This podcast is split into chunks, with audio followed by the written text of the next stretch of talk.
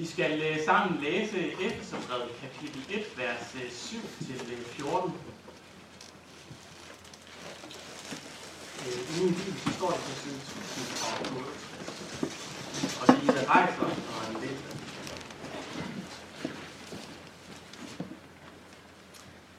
Og øh, for at snyde jer lidt, så tager vi lidt kontekst med, så vi læser hele stykket fra, fra vers 3 og slutter i vers 14. Der står sådan her. Lovet være Gud, vor Herre Jesu Kristi Fader, som i Kristus har velsignet os med al himlens åndelige velsignelse. For før verden blev grundlagt, har Gud i ham udvalgt os til at stå hellige og uden fejl for hans ansigt i kærlighed. I sin gode vilje forudbestemte han os til barnekår på sejr ved Jesus Kristus, til lov og pris for hans nådes herlighed, som han har skænket os i sin elskede søn. I ham har vi forløsning ved hans blod, tilgivelse for vores sønder ved Guds rige nåde. Den gav han os i rigt mål med al visdom og indsigt ved at lade os kende sin viljes hemmelighed, ud fra den gode beslutning, han selv forud havde faldet om den frelsesplan for tidernes fylde at sammenfatte alt i Kristus, både det himmelske. I ham har, også, øh, har vi også fået del i arven, vi som var forbestemte til ved Guds beslutning. For han gennemfører alt efter sin viljes forsæt. Så at vi kan blive til lov og pris for hans herlighed, vi som allerede forud har sat os håb til Kristus. I ham blev også I, da I hørte sandhedens ord, evangeliet om jeres frelse. I ham blev også I, da I kom til tro, besejlet med forhjælpelsens hellige ånd, som er pandet på vor arv, indtil forløsningen kommer for hans ejendom for, til lov og pris for hans herlighed. Amen. Jeg vil bede Kære Gud og far i himlen, vi har læst det her herlige stykke fra dit ord. Vær til stede med din hellige hånd, så at det bliver åbent og udfordret. Så vores hjerter får lyst til at lovprise, så den finder fred. Herre, tal du.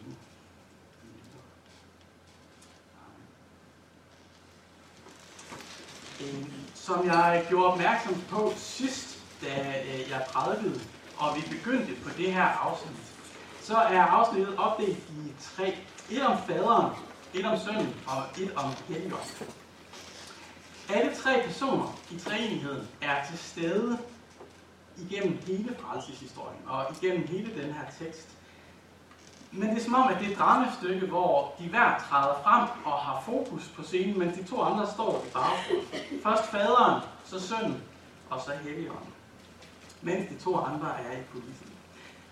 Det første afsnit det øh, er fokuseret på faderens planlægning af og forudbestemmelse før tidens Nu skal vi vende os imod de næste to afsnit.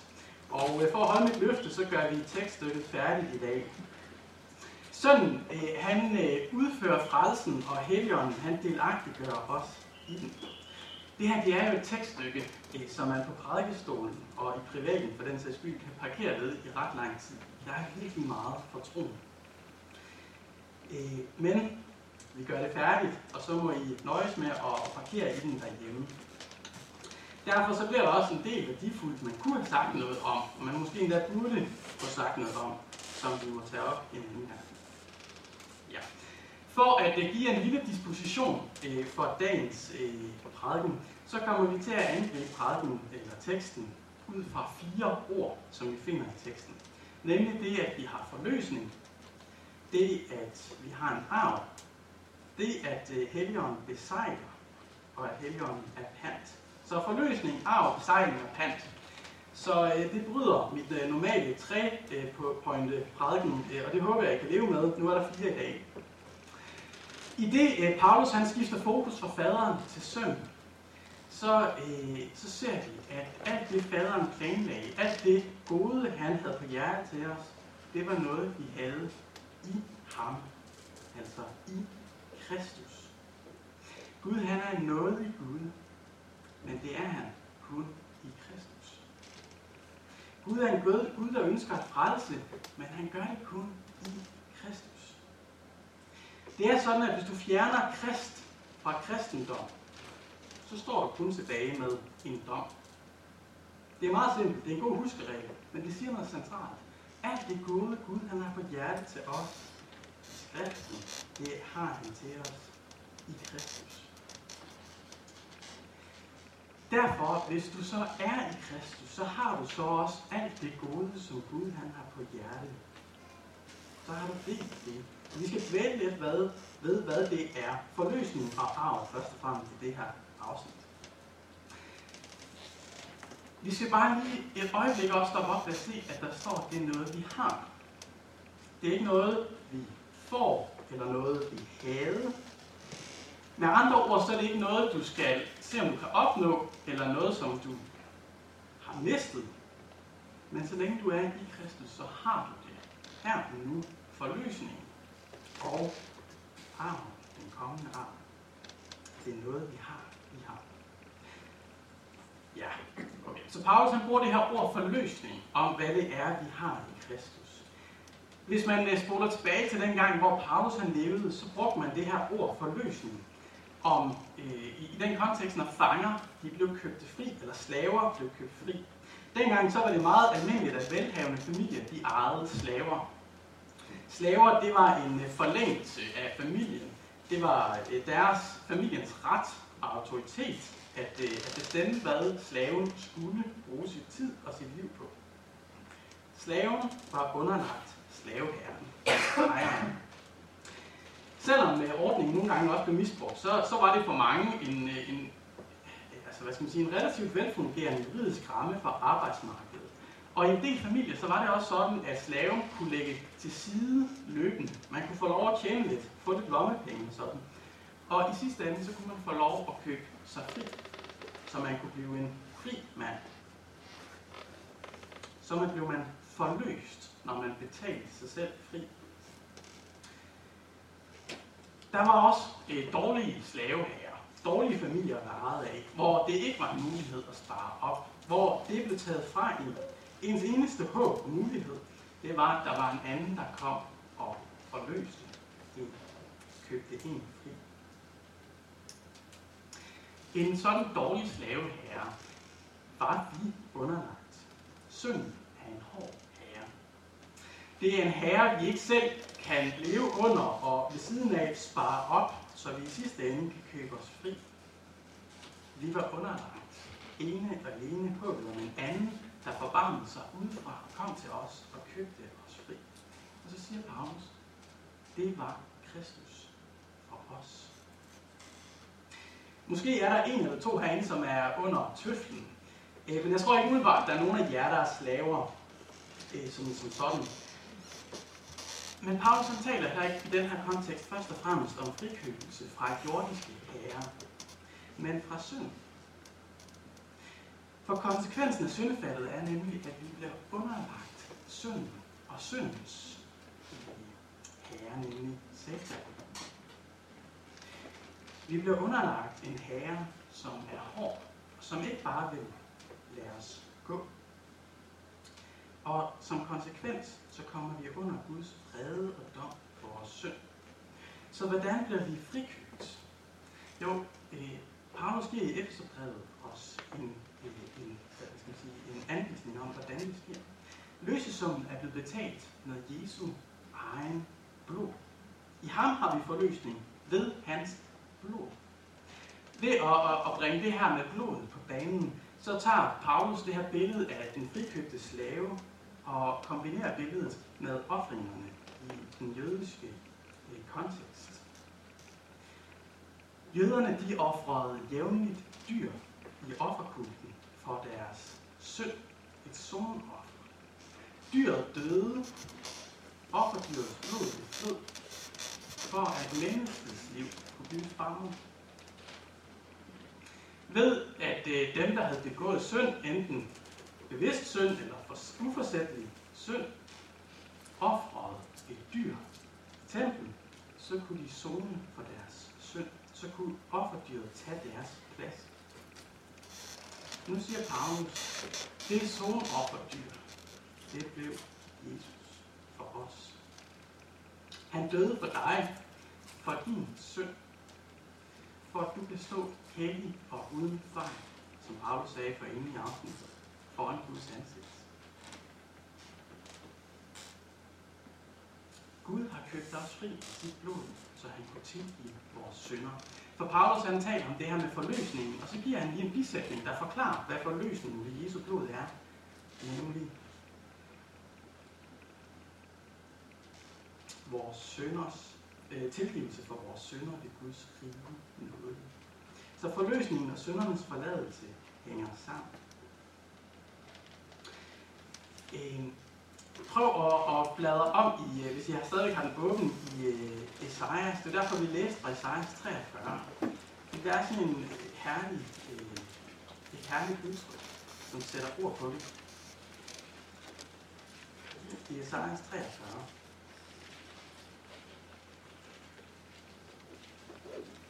I vers 1.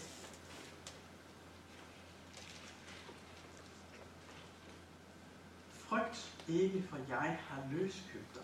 Jeg kalder dig ved navn. Du er min. Frygt ikke, for jeg har løskøbt dig. Jeg kalder dig ved navn. Du er min. Ved Jesus, så har Gud løskøbt dig til at tilhøre ham. Så du nu har en god herre. Så du nu har tilgivelse for dine synder.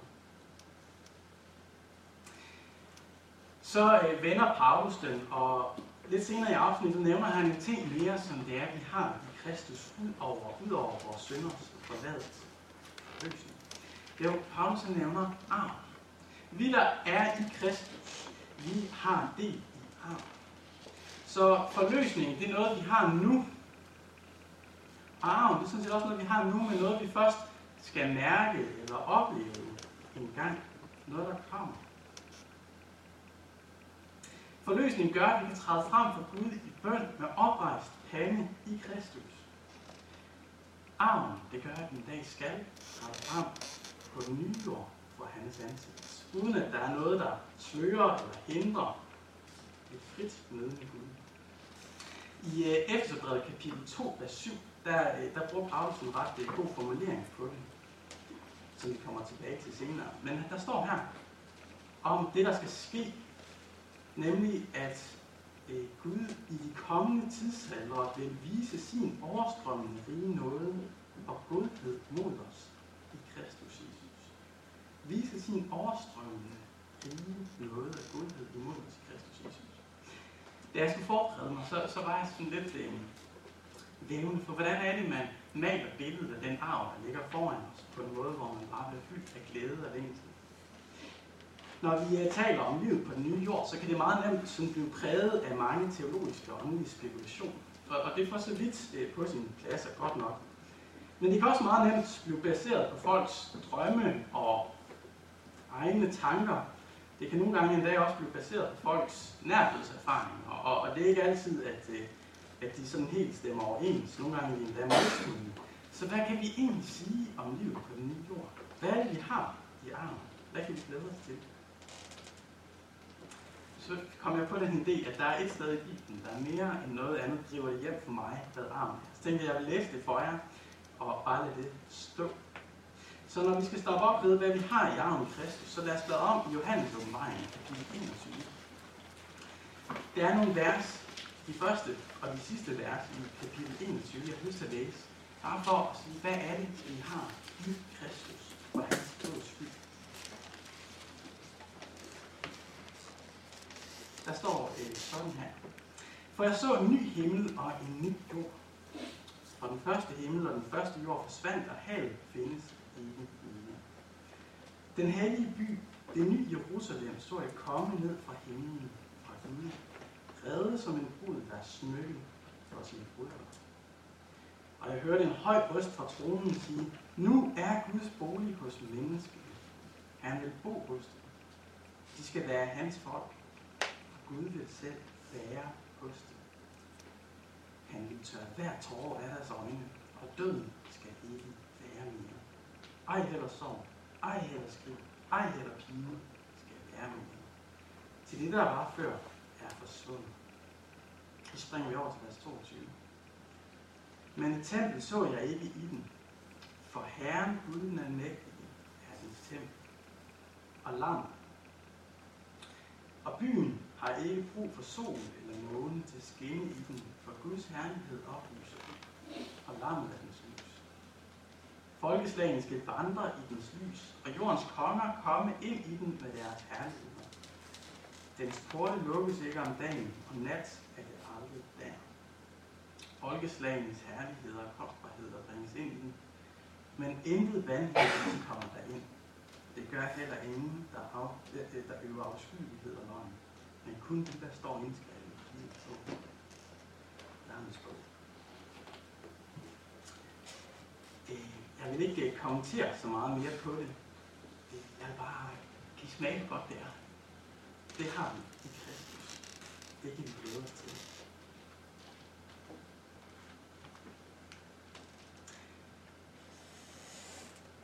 Vi, øh, vi kan også vende os imod det, der står videre ned Efterbladets øh, i Efterbrevets afsnit, vi har læst. Hvad er det, der står om ånden? I de to sidste vers, så træder ånden nemlig frem på scenen og kommer i fokus. Så får vi at vide, at Helligånden han virker to ting i vores liv. Nemlig at han besejrer, og at han er kant. Og øh, det er nogle ret øh, gode ord, som lige har fået plads, hvad det betyder, for det kan virke sådan lidt uklart. Det var det i hvert fald for mig. Øh, så for at, at prøve at folde det lidt ud, så finder jeg nogle steder i Bibelen, hvor ordet besejring bliver brugt. Nu skal vi prøve at se, hvad det, hvad det sådan betyder i de sammenhænge. For eksempel, så bliver ordet besejring brugt i det nye testamente omkring Jesu grav. Jesus, han bliver altså Jesus grav bliver besejlet, Han bliver lukket inde sådan at der ikke er nogen, der kan komme ind, og for den sags skyld, han ikke kan komme ud. Besejling, det er altså at beskytte eller lukke til. Øh, et øh, billede, jeg stødte på på et tidspunkt. Øh, I den katolske kirke, så øh, skal man indimellem vælge en ny pave, når den gamle dør eller abdicerer. Og øh, det sker ved, at øh, kardinalerne, de åndelige ledere i den katolske kirke fra hele verden, samles i Rom øh, inde i øh, Vatikanen, og så går de alle sammen ind i det sextinske kapel. Og når de er gået derind, så forsejler man bygningen. Man forsejler døre og vinduer med bly, sådan at der ikke er nogen, der kan komme i kontakt med dem, der er derinde. Så man ikke kan kommunikere til dem, og så de ikke kan kommunikere noget ud sådan ikke på sædvanlig vis, så man ikke kan påvirke valget af deres pave. Det kan virke lidt voldsomt, men pointen er med besejlingen, at det lukker inde og beskytter.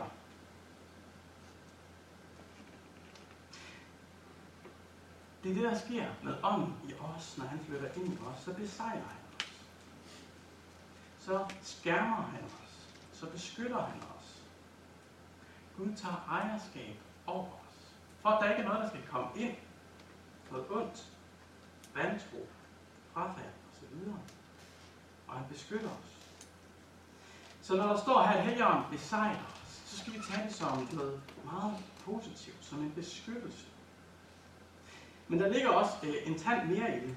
Fordi hvis vi ser, hvordan at ordet design bruges i Romerbrevet, kapitel 11, eller kapitel 4, vers 11, så står der, at Abrahams omskærelse, det at han blev omskåret, det bliver kaldt et tegn og et sejl på den retfærdighed, han havde ved tro. Med andre ord så er besejlingen her, så har det den betydning, at det er Guds varemærke på Abraham. Det der markerer, at han har en ægte, en sand, en frelsende tro. Det, at han har barnekår på skulderen, han har frelsen, han har arv. Øh, ikke for sådan at flashe mit øh, bling bling her på prædikestolen, men jeg har et par solbriller. Et par Ray-Ban solbriller. Og øh, det er jo nogle, Johanna har købt for mange år siden i øh, Colombia. Så kan man godt komme i tvivl om, at de nu ægte. Og øh, der er jo få produkter i verden, der bliver kopieret lige så meget som Ray-Ban solbriller. Der findes et utal af fakes, man kan købe til en langt mere fornuftig pris end originalen, skal det siges. Men hvor finder man så forskel på ægte og uægte. Der er selvfølgelig nogle af dem, der er sådan helt elendige, som knækker bare, man kigger på dem nærmest. Fair nok, det er nok ikke de ægte Ray-Ban solbriller. Men hvordan genkender man de ægte. Det er sådan, at Ray-Ban, de har indebrændt, altså de har brændt, eller hvad skal man sige, uh, indgraveret hedder det, et øh, uh, RB, altså initialerne for Ray-Ban, på venstre brilleglas i samtlige af deres ægte briller. Så hvis du står med et par Ray-Ban briller, så vil du altid kunne tage dem, se i indersiden af det venstre glas, og kunne se, at der er indgraveret et RB. Så er det med stor sandsynlighed, meget stor sandsynlighed, et ægte, fordi det er lidt avanceret dyr, derfor gør alle kopierne meget spændende. Det er lidt det samme, der sker med Helligånden. Når han kommer ind i os, så besejrer han os. Og på den måde, så bliver han vores vidnesbyrd om, at vi er ægte børn af Gud. Vi er Guds og har en frelsende tro. Så med andre ord, så er besejringen af os Guds måde at beskytte os på, skærme os på, sådan som vi også sang om øh, i den første salme, vi sang. Og for det andet, så er det også øh, Guds måde at vise vores autenticitet, sætte sit varemærke på os. Men ånden, han er også vores pant. Det er sådan med pant, at øh, det, det er noget, man yder for at give folk en garanti på, at øh, øh, garanti for noget. For at give et billede. For nogle år siden skulle jeg sælge en bil. Øh, det var en øh, elendig Suzuki Alto, som har udtjekket sin værnepligt. Øh, det havde været en god bil, var jeg nok egentlig sige. Men hvorom alt var, så kom der flere og ville gerne købe min bil. Og øh, så står jeg på gaden, og de vil gerne også have lov at køre en tur i den. Det synes jeg også er fair nok. Jeg synes også, de skal have lov at køre i den uden mig. De skal ud og prøve deres øh, bil, inden de køber. Så jeg giver dem nøglerne, men hvordan ved jeg, at de kommer tilbage? Hvordan ved jeg, at de ikke bare stikker af med dem? Jo, de gav mig noget i pant. Nogen gav mig en uh, telefon, nogen gav mig en øh, uh, punkt, uden kørekort selvfølgelig. Andre gav mig bilnøglen til deres rigtige bil. Der var en, der gav mig uh, bilnøglen til en uh, sprit ny uh, milliondyr Mercedes. Et øjeblik overvejede jeg, om jeg skulle stikke med han. Det gjorde jeg selvfølgelig. Men ånden er vores garanti. Vores garanti på, at Gud han kommer igen, og så har han noget mere til os. Vores pant. Gud han har betroet dig sin ånd, og det skal give dig frelsesvidshed. Vidshed om, at han kommer igen, og du så skal have del i arm. Okay. Fantastisk, Kristoffer. Ånden giver virkelig meget. Den besejrer, beskytter, giver mig et varemærke. Den er mit pant. Men så, hvad så, hvis jeg bare ikke ved, om jeg har Helligånden? Hvad så, hvis jeg er i tvivl om, at Helligånden virkelig er i mig? Er du overbevist om, at ånden er i dig? Personligt så har jeg fundet fred øh, flere gange i 1. Korintherbrev kapitel 12, vers 3. Så der, der vender vi os lige imod.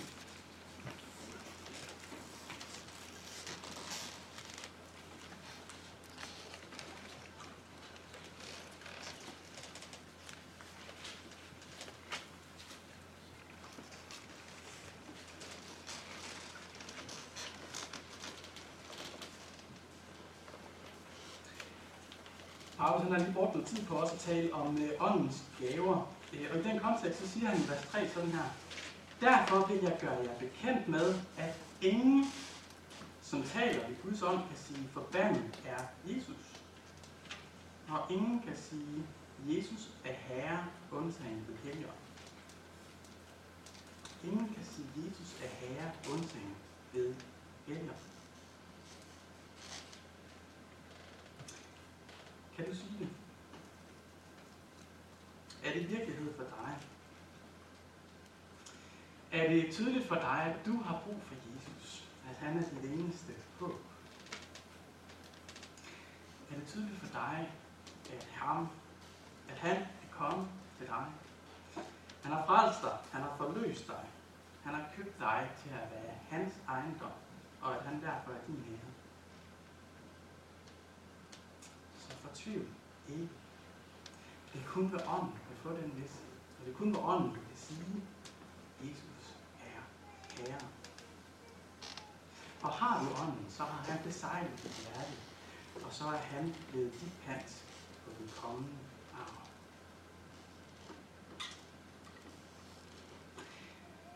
Vi skal øh, prøve at runde det her afsnit øh, fra Efeser 3 til 14, 1 3 til 14 af.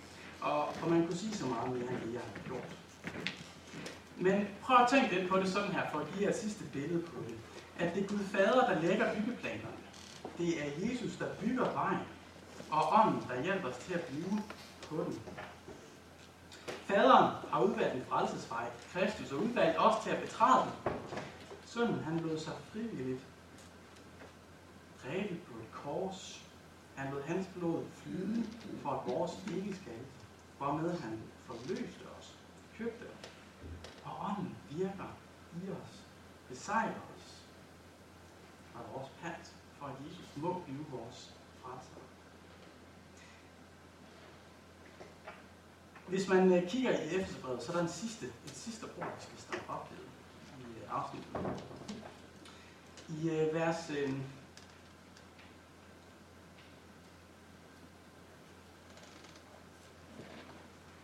vers 10. Der står noget om, der er Guds frelsesplan. Nemlig at sammenfatte alt i Kristus. Både det himmelske og det jordiske. At sammenfatte alt i Kristus.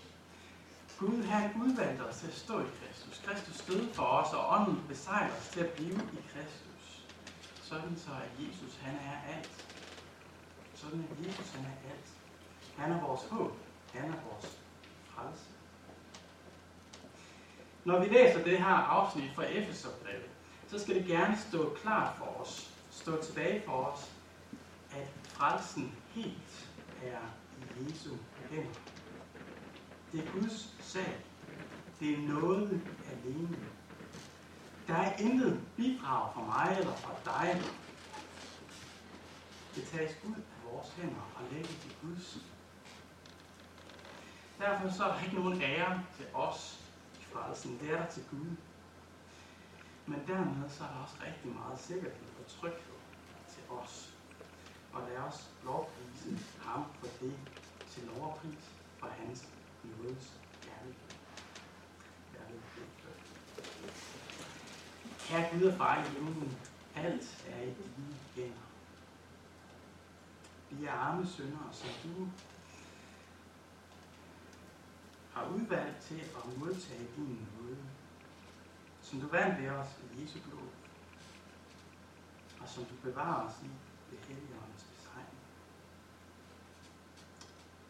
Herre, tak fordi, at du har forløst os, at du har tilgivet vores synder, og vi glæder os til at have del i arven. I dit navn, Herre.